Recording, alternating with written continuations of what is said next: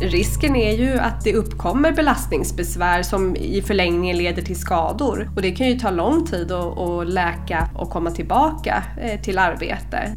Vilket innebär att om man ska ha ett hållbart arbetsliv och ett hållbart liv när man är pensionär sen, kunna röra på sig och göra det man vill, så är det ju viktigt liksom att man är rädd om sig från början.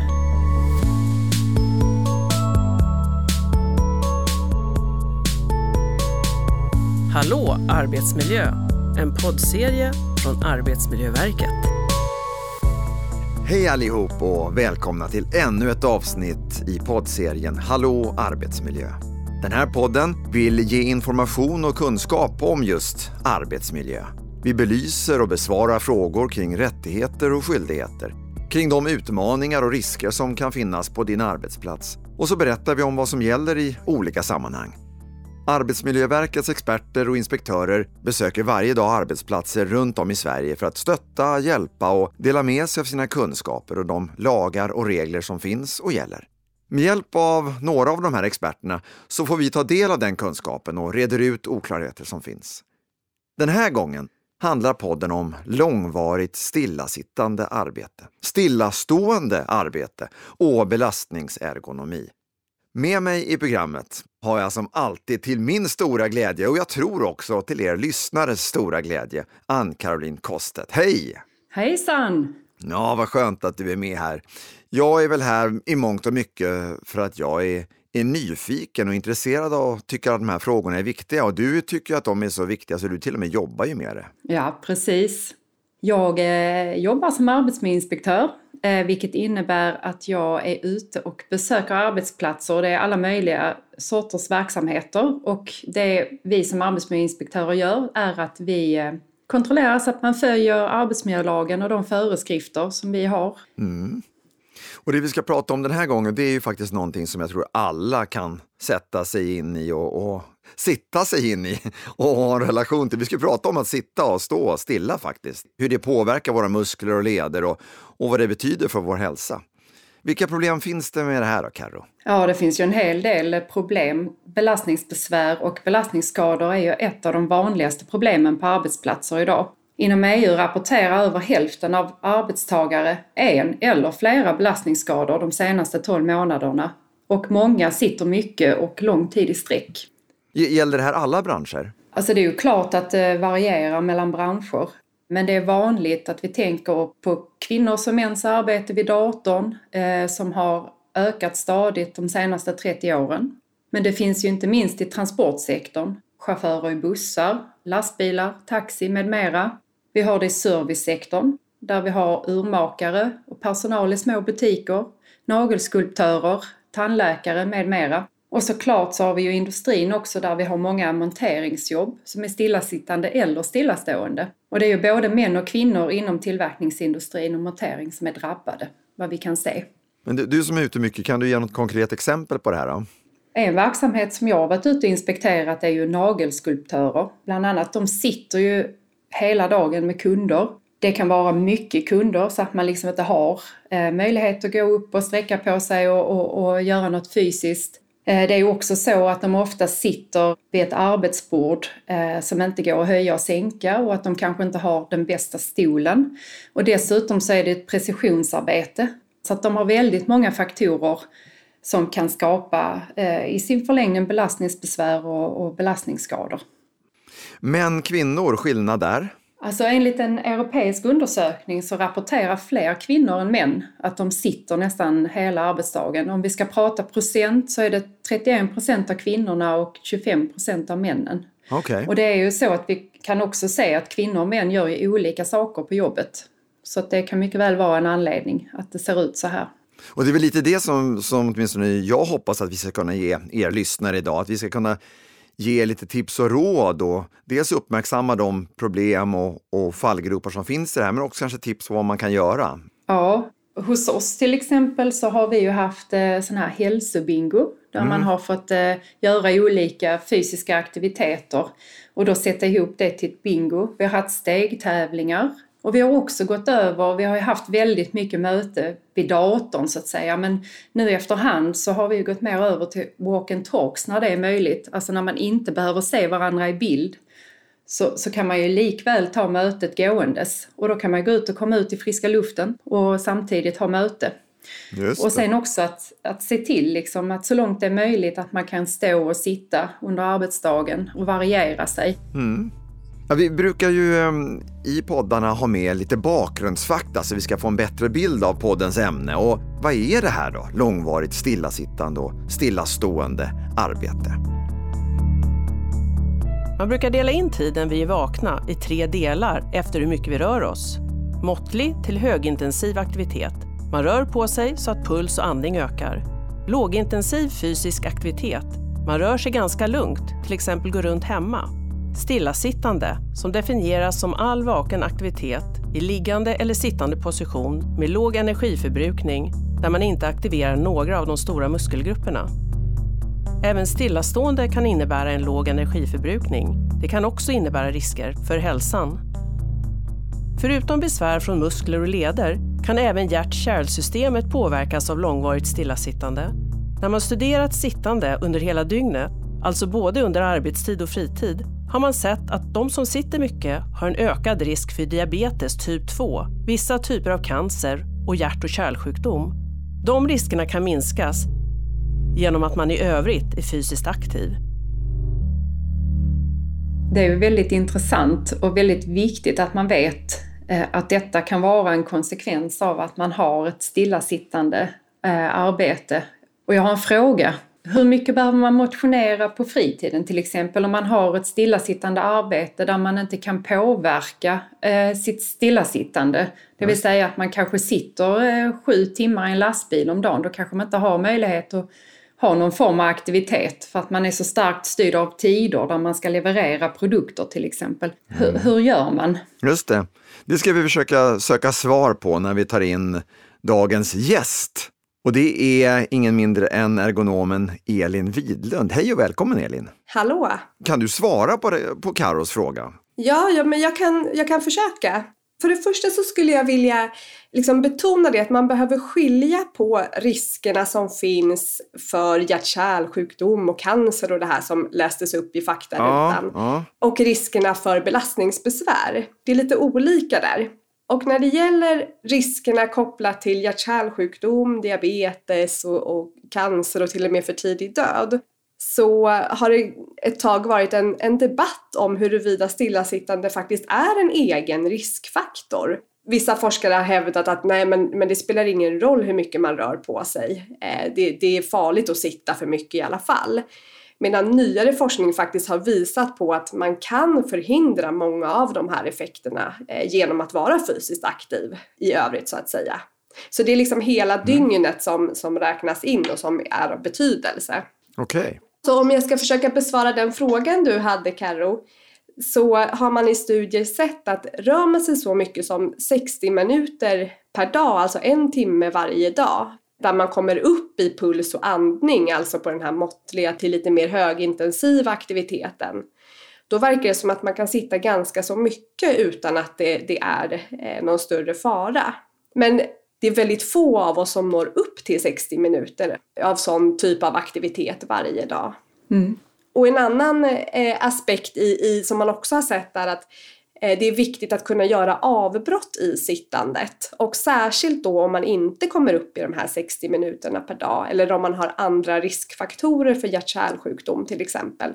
Då har man sett att det är viktigt att kunna göra avbrott i sittandet och det får ju konsekvenser för arbetslivet.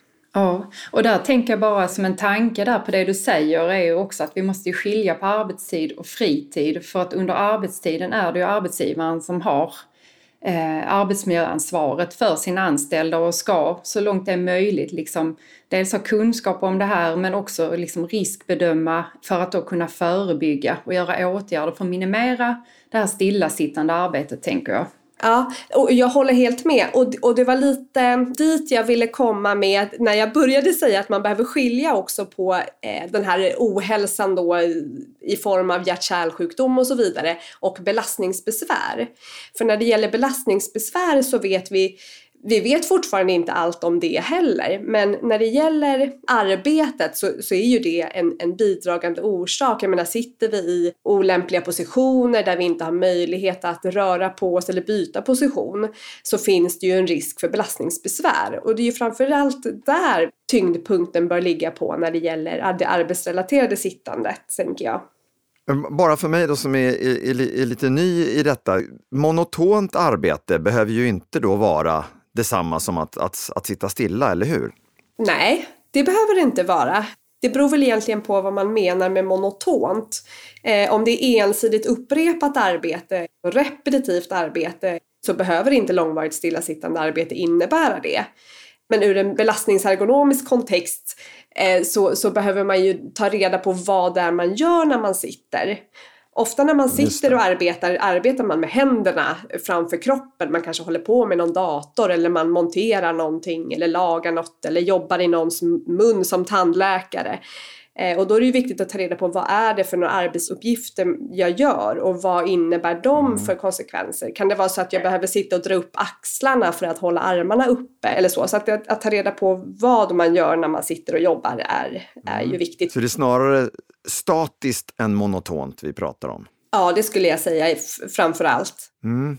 Du är ju ergonom och sakkunnig som det heter på Arbetsmiljöverket. Vad, vad, gör man då för någonting? Eftersom jag jobbar på regelavdelningen så innebär det att jag eh, arbetar med våra föreskrifter, eh, framförallt då inom belastningsergonomi och om arbete med bildskärm. Eh, det handlar om att vägleda och stödja, stötta handläggare, jurister och arbetsmiljöinspektörer. Besvara frågor från massmedia, allt möjligt. Det är ett väldigt varierat arbete. Mm.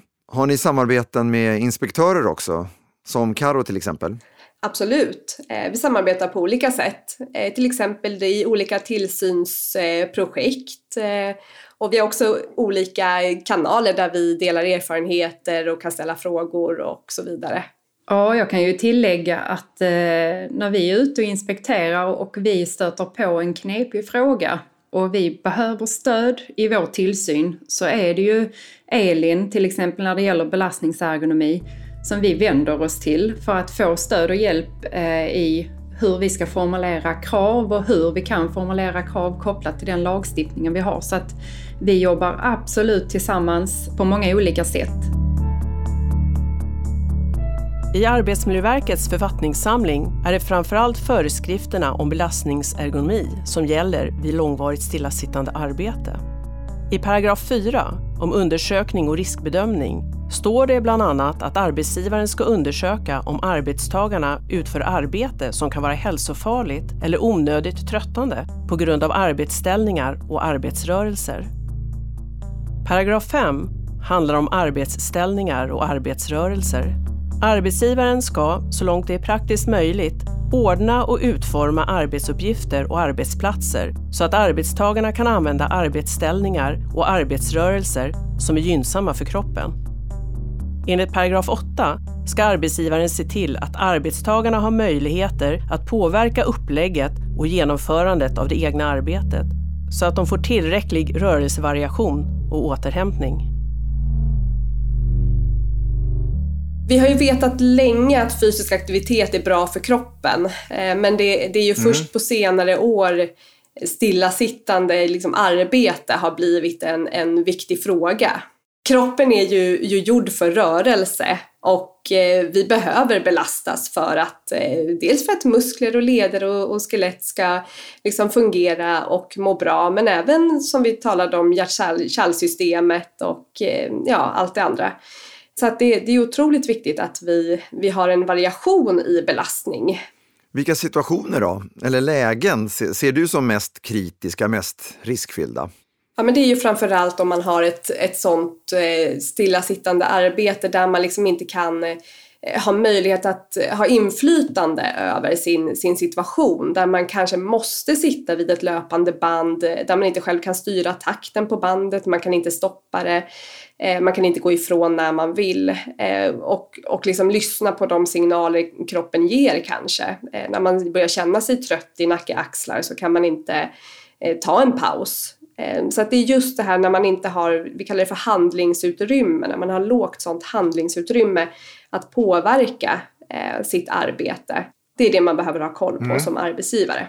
Vi var inne på stillastående också. Är, är det så mycket värre att sitta still jämfört med att stå still? Nej, det, det är lätt att tro att, att ett eh, höj och sänkbart skrivbord skulle liksom lösa allting. Och det är ju absolut bra för att kunna få till lite variation i, i kroppsposition. Men man har, har mer och mer börjat prata om inaktivt beteende där man har sett att även stillastående eh, kan vara inaktivt och innebära just den, den här låga energiförbrukningen man har sett är skadlig för kroppen. Just. Det optimala är ju att man kan både sitta och stå och gå eller röra sig lite mer eh, under en arbetsdag. Men vad innebär det då för musklerna då? Att, att man är inaktiv? Ja, eh, det finns ju många olika liksom, teorier bakom det här. Om vi börjar med eh, de mekanismer som, som man tror ligger bakom den här ök- kopplingen då till hjärt-kärlsjukdom och så vidare. Då har man ju sett att, att sitter vi ner och de stora musklerna i kroppen är inaktiva så påverkar det blodflödet som blir det sämre och det finns då en ökad risk för att blodtrycket stiger. Man har också sett att eh, nivåerna av blodsocker och insulin och blodfetter och sådana saker blir försämrade om man sitter stilla länge. Och när det gäller då risken för det här med belastningsbesvär så, så återigen vet vi ju att vi behöver belastas för att kunna bli starkare. Det är ju därför många av oss går på gymmet. För att där, där överbelastar vi musklerna. Men då behöver vi också vila efteråt för att de ska reparera sig och, och, och bygga upp sig. Så det är egentligen samma princip när det gäller arbetet. Det är inte farligt med en stunds överbelastning men då behöver vi återhämtning också för att eh, hålla i längden. Det är en viktig sak du tar upp där, att vi måste variera mellan stillastående, stillasittande och faktiskt rörelse. För att stå upp en hel dag är ju inte heller bra. Det kan ju vara lätt att man lutar sig på ena sidan när man står eller att man står med benen i kors eller att man står för högt och så har axlarna uppe vid nacken och så. Eh, Står man då så och man tänker att ja, men stående är bättre än sittande så, så det kan ju också leda till att man får belastningsbesvär om man står för mycket. Ja, jag har mina slagord. Aktivera och variera. Ja, jag tycker också att, att ehm, våra kroppar är ganska tydliga med att säga ifrån. Man känner väl själv när man har suttit länge att man blir stel eller öm eller man känner sig rastlös i benen och sådär. Är det, är det sådana symptom som man ska ta lite mer på allvar menar ni? Ja, det är jätteviktigt att uppmärksamma just de här, det är typiska tecken på eh, ja, men begynnande kanske eh, belastningsbesvär. Det är ju sådana här tidiga tecken som vi eh, vill att man uppmärksammar tidigt för att man ska kunna komma till rätta med det innan det blir värre. Eh, men du säger ju någonting viktigt där, att man känn- behöver känna in kroppen. Och då är det viktigt att, att arbetsgivaren eh, ger arbetstagaren kunskapen i vilka de här tidiga tecknen kan vara. Och en annan viktig sak här är att har man ett väldigt stressigt jobb eller man har en hög arbetsbelastning då är det kanske inte lika lätt att känna de här tidiga tecknen. Eh, Så att arbetsbelastningen är också otroligt viktig, att den är anpassad, att man har resurser att klara av sitt jobb. Och där, där tänker jag Elin också att eh, om man tar ett steg ytterligare tillbaka att det är viktigt som arbetsgivare att ha den här kunskapen också för att kunna förmedla den till sina arbetstagare. Eh, och att arbetsgivaren är väl eh, införstådd och har kunskap om de risker som det här arbetet då kan bidra till. Så att jag tänker att det ska ju vara från arbetsgivaren och ner så att säga. Mm. Att, att det finns både kunskap och utrymme att eh, både förstå och göra någonting åt det låter det som att, ni, som att ni är inne på. Vi kan prata mer om det alldeles strax och också vilka symptomen är och vad man kan göra åt det. Men jag tänkte först ska vi eh, få träffa några som jobbar i just de här lite mer riskfyllda yrkena. Så här säger några av dem. Ja, vi står ju hela tiden när vi jobbar, men vi rör ju på oss lite runt kunden. Och sen har vi ju en stol, en arbetsstol som vi sitter på, lite när man gör typ klipper nackar och lite sådär och rullar permanent och lite så. Men hur stor del av arbetsdagen skulle du säga att du står upp? Då? Ja, det är nog mesta delen. Största delen, det är det. Ja, men när man är ung så tänker man ju inte alls, då bara jobbar man ju. Men sen när man har varit med lite mer och känner att det kanske börjar bli någonting i kroppen, att man känner. Då, då tänker man att ja, men vad kan jag göra själv? För jag tycker ju om mitt yrke. Så då har jag ju styrketränat mycket. Och sen har jag varit rörlig i övrigt också. Jag går ju liksom inte hem och sitter utan går mycket och försöker röra på mig. Plus att jag har haft en bra naprapat som jag har gått till när jag har haft som mest besvär med, med axlar och armar och rygg. Men det, det har jag klarat mig bra, måste jag säga. En del klarar ju sig ända till pension och en del klarar inte av det. Så det är olika hur man är, skulle jag vilja säga. Alltså den är väl återkommande, den tanken. Att man sitter mycket på dagarna. Alltså vi kan ju få väldigt långa körningar och eh, då är man ju stillasittande i bilarna. Det kan vara allt ifrån tre, fyra timmar åt gången innan man tar sig en liten rast då kanske. Så är det Ibland så har vi ju, vad ska man säga, vi kör mycket i Mora och så och då eh, man hjälpt till med, med rullatorer och varor och så då. Men när det är långkörningar och sådana dagar då är det 90 procent. Det är ett mycket stillasittande arbete där. Hur påverkar det dig då? Ja, det, det, man blir trött i ryggen. Den dag, dagliga motionen går ju bort och man kommer i någon spiral, man, man blir trött. Det, det, det, är mycket som, som är negativt med att sitta still. Hur pratar ni om de här sakerna på jobbet då? Pratar och pratar. Vi för, försöker väl att, att hjälpas åt så att vi kan variera lite.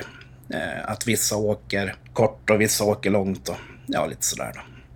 Alltså det kommer information och man försöker hålla sig uppdaterad. Och, och eh, någonting som är viktigt när man har ett jobb med ett fordon, det är väl att se till att man har bra fordon för ändamål och såna här grejer.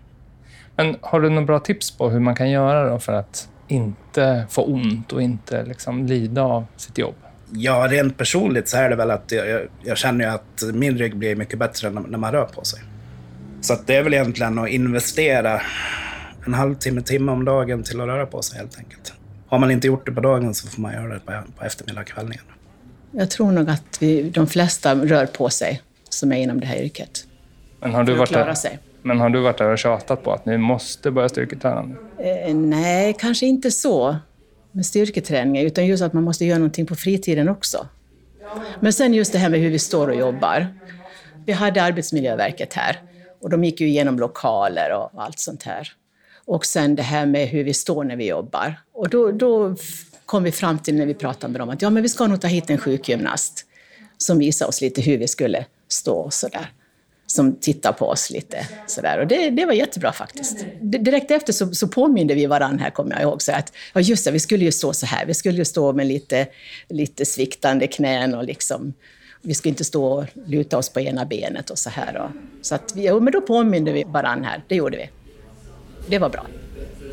Ja, kan man ju börja med att säga att eh, ditt jobb gör nytta, Karo, eller hur? Inspektionen ledde någonstans. Ja, jag har fantastiska kollegor runt om i landet som varje dag gör ett fantastiskt jobb. Ja, du, Elin, du pratade ju tidigare om det här med vikten av att variera sig i, i, den, i sin arbetsställning. Men, men vi har ju flera av de här och, och många andra yrken är det ju svårt. Ja, det är jättesvårt för många eh, och då är vi tillbaka i det här handlingsutrymmet som vi pratade om tidigare att man har möjlighet att påverka arbetet så att man kan ta pauser när man behöver och så vidare. Eh, för många är det svårt, men då är det desto viktigare att man har bra förutsättningar när man sitter. Att man kan ha en så, så bra eh, ergonomi som möjligt med möjligheter att ställa in då till exempel förarstolen och att man då tar de pauser som ges. Eh, finns det en möjlighet att komma ur bilen en liten stund, ta den möjligheten då jag, jag, förstår att det är svårt för, för en del yrkesgrupper eh, att få till den här variationen men man får försöka göra det bästa man kan. Jag brukar säga att man ångrar sig aldrig när man har rört på sig. Det lilla är bättre än inget. Det räcker att man går upp, ställer sig, gör ett par benböj så har man gjort någonting för att bryta det här stillasittande. Mm. Märker du Karo när ni är ute på inspektioner att, att arbetsgivarna är, är öppna för det här och tar till sig och förståelse för det och att de, att de att de verkligen vill göra någonting åt det också, eller? Ja, det tycker jag. I stort sett de flesta arbetsgivare vill ju att eh, deras arbetstagare ska må bra på jobbet och att de inte ska bli skadade och drabbas av ohälsa. Det jag upplever att de behöver är lite stöd på vägen. Liksom, vad behöver vi för kunskap? Vad är det vi behöver göra liksom, för att vi ska komma till rätta med detta och för att vi ska kunna förebygga framtida ohälsa eller belastningsbesvär, skador. Och ofta går det att göra mycket med organisatoriska åtgärder, alltså att man planerar arbetet på ett sådant sätt att det, det ändå möjliggörs eh, tid för pauser, eh, växla mellan arbetsuppgifter där det är möjligt. Så, så arbetsgivaren har en hel del åtgärder att ta till. Kan ni då ge några konkreta exempel på vad som, vad som händer med människor som, som faktiskt inte får möjlighet eller inte tar de här symptomen på, på allvar? Risken är ju att, att det, det uppkommer belastningsbesvär som i, som i förlängningen leder till skador. Och det kan ju ta lång tid att, att läka och komma tillbaka eh, till arbete. Så det finns ju en stor risk för, för sjukskrivning och eh, liknande.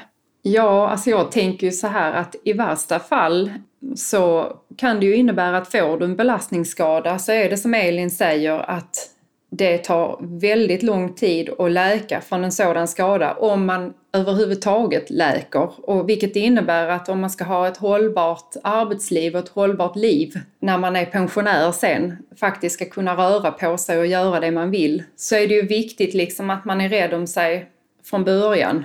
Men jag, jag tänker, i, åtminstone i vissa branscher så är ju allt så pressat. Det är pressat på att saker ska levereras och det är ont om tid och det måste göras på, på det mest eh, effektiva sättet. Och att, att det då inte finns utrymme för den som utför arbetet att faktiskt få ta de här pauserna som krävs eller, eller säga till att det här känns inte bra i kroppen och så vidare. Ja, nu är vi inne på handlingsutrymmet igen och hur viktigt det är eh, för att få till just mm. det här det hållbara arbetet och hållbara arbetslivet. Och då är vi också inne igen på, tycker jag, ansvaret då, för vi har pratat om att huvudansvaret ligger hos arbetsgivaren, men, men hur är det med arbetstagarna och, och skyddsombuden och så vidare på arbetsplatserna då? Ja, det är ju jätteviktigt att arbetsgivare, skyddsombud och övriga arbetstagare samverkar här. Eh, arbetstagarna har ju en skyldighet att eh, berätta om potentiella risker som finns i arbetsmiljön som den eh, kan uppleva då. Så att just kommunikation är ju väldigt, väldigt viktigt här. Det kan ju ske på olika sätt men, men om vi ska prata om just långvarigt stillasittande arbete och hur man kan upptäcka just de riskerna så, så ser jag att det, det är flera olika liksom, komponenter som behöver bedömas, som behöver undersökas. Dels är det ju mm. att ta reda på liksom hur, hur länge totalt sett sitter människor på den här arbetsplatsen. Och att komma ihåg då att man, man tittar både på kvinnor och på män och på olika positioner och arbetsuppgifter. Mm. Och sen behöver man också fundera på hur ser mönstret av sittande ut? Alltså hur ofta kan arbetstagarna bryta det här långvariga stillasittandet för en stunds rörelsepaus? För det, det handlar ju, det är just det här handlingsutrymmet igen nu som jag tjatar om. Kan man bryta upp stillasittandet? För det har, det har man sett i en, i en del studier att det verkar vara eh, bra för hälsan att göra de här avbrotten i sittande. Och det behöver inte vara en lång paus utan det räcker att man reser sig och gör några knäböj kanske. Men att man just får det här uppbrottet. Så att titta på totaltid, hur länge sitter man? Hur ser mönstret av sittande ut? Och sen det sista, hur är liksom arbetsställningen i sittande? Går den att variera? Är den bekväm? Eh, och här spelar ju till exempel synförhållanden in eftersom ögonen sitter på vårt huvud och vi vill ofta gärna se det vi arbetar med. Och då riktar vi in huvudet. Eh, så det är lätt att hamna i liksom, obekväma låsta positioner om man inte ser bra. Och det är belysning, glasögon och sådana saker. Mm. Och om man nu hör podden och, och, vill ha lite mer koll på det här, var kan man hitta de här rekommendationerna eller finns det några checklistor eller hur ska man få koll på det här? Eh, på vår webbplats www.av.se har vi eh, undersidor som handlar om till exempel sittande, stående, gående arbete. Eh, så där får man gärna titta och kan få hjälp. Eh, vi har också en, en checklista i belastningsergonomi och där tar vi upp bland annat eh, de här aspekterna på handlingsutrymme och eh, arbetspositioner. Även om den checklistan också är väldigt omfattande så, så ingår de här punkterna i den. Så det kan man använda sig av. Och vilka rekommendationer finns det? Ja, alltså när det gäller sittande på arbetsplatsen har den Europeiska arbetsmiljöbyrån, som kallas också för EU-OSHA, eh, tagit fram några riktlinjer och det här är ju som sagt riktlinjer då. Men där säger man att man ska sitta max fem timmar per arbetsdag. Så där har vi den här totaltiden som man vill begränsa. Man säger också då att man ska ta en rörelsepaus efter att man har suttit i 30 minuter. Då ska man upp och röra sig kort kort. Eh, när man har suttit två timmar då rekommenderar de att man ska ta en lite längre rörelsepaus. Då ska man vara uppe och röra på sig och gå i ungefär 10 minuter, det är rekommendationen. Och sen slutligen då, när man väl sitter så ska man sträva efter att ha ett dynamiskt sittande. Okej, okay. vad ska man göra nu då om man, om man finner att det är brister i arbetsmiljön? Mm. Det är ju jätteviktigt att man arbetar med sin arbetsmiljö systematiskt, alltså det här systematiska arbetsmiljöarbetet. Och då är det så att hittar man i sin undersökning risker i arbetsmiljön, då ska man också bedöma de här riskerna och ta reda på hur allvarliga de är. För att också kunna prioritera vilka risker som ska åtgärdas först och så vidare. Så nästa steg är ju då att man gör olika åtgärder då för att förbättra arbetsmiljön. Och eh, vi pratar ofta om att man ska ha ett så kallat MTO-perspektiv, vilket innebär att man ska ta hänsyn till människan, tekniken och organisationen.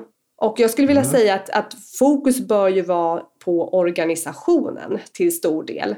För det är ju där vi har möjlighet att göra någonting åt det här förhandlingsutrymmet då återigen. Att, att möjliggöra så att arbetstagarna kan växla så mycket som möjligt mellan arbetspositioner och arbetsuppgifter, möjlighet att ta paus och så vidare.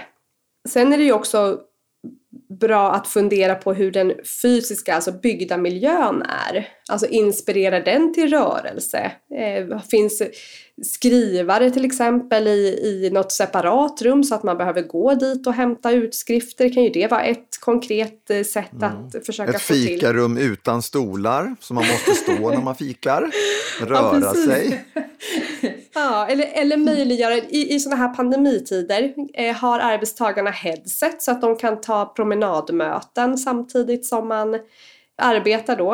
Mm. Och sen tänker jag också på eh, att främja fysisk aktivitet på olika sätt genom friskvårdstimme, att det finns eh, omklädningsrum, eh, cykelställ kanske som man kan ta sig till och från arbetet på ett liksom aktivt sätt. Just det. Alltså när vi är ute så ser ju vi att det är ju blandat med kunskap både från arbetsgivaren och arbetstagarna men de flesta vet ju att stillasittande arbete och stillasittande överhuvudtaget är ju inte bra i sin förlängning. Men det är ju liksom vad ska vi göra för att det inte ska vara så stillasittande? Och det är också därför vi har den här podden idag och vill prata om det här ämnet för att vi vill liksom att man ska få en tanke kring vad man kan göra. Men när vi är ute på inspektioner, jag tänker att när man inte själv har kunskap och man kanske inte själv har förutsättningarna för att hur ska till exempel en arbetsplats se ut att man faktiskt tar hjälp utifrån eh, av till exempel företagshälsovård för att få den hjälpen och förståelsen för vad är det som krävs för att man ska få de bästa förutsättningarna. Mm. Och ni som har lyssnat på den här podden, jag misstänker att några av er har gjort det gående, några av er har gjort det kanske liggande, sittande, stående. Ni som nu inte har rört på er under den här podden, ja, då är det dags att göra det. Så därför så säger jag tack Elin Widlund för att du ville vara med. Ja, tack så jättemycket. Det var roligt att vara med. Och tack också till Ann-Caroline Kostet för att du är med som alltid. Ja, tack så mycket Fredrik.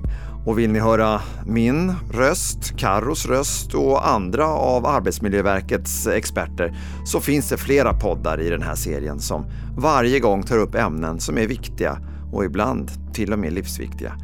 För som alltid, kom ihåg, vi bor i Sverige. Här ska ingen behöva bli sjuk, skadas eller i värsta fall dö av sitt arbete. Och om vi alla hjälps åt och om vi alla tar ansvar så kan det bli verklighet. Tack för den här gången.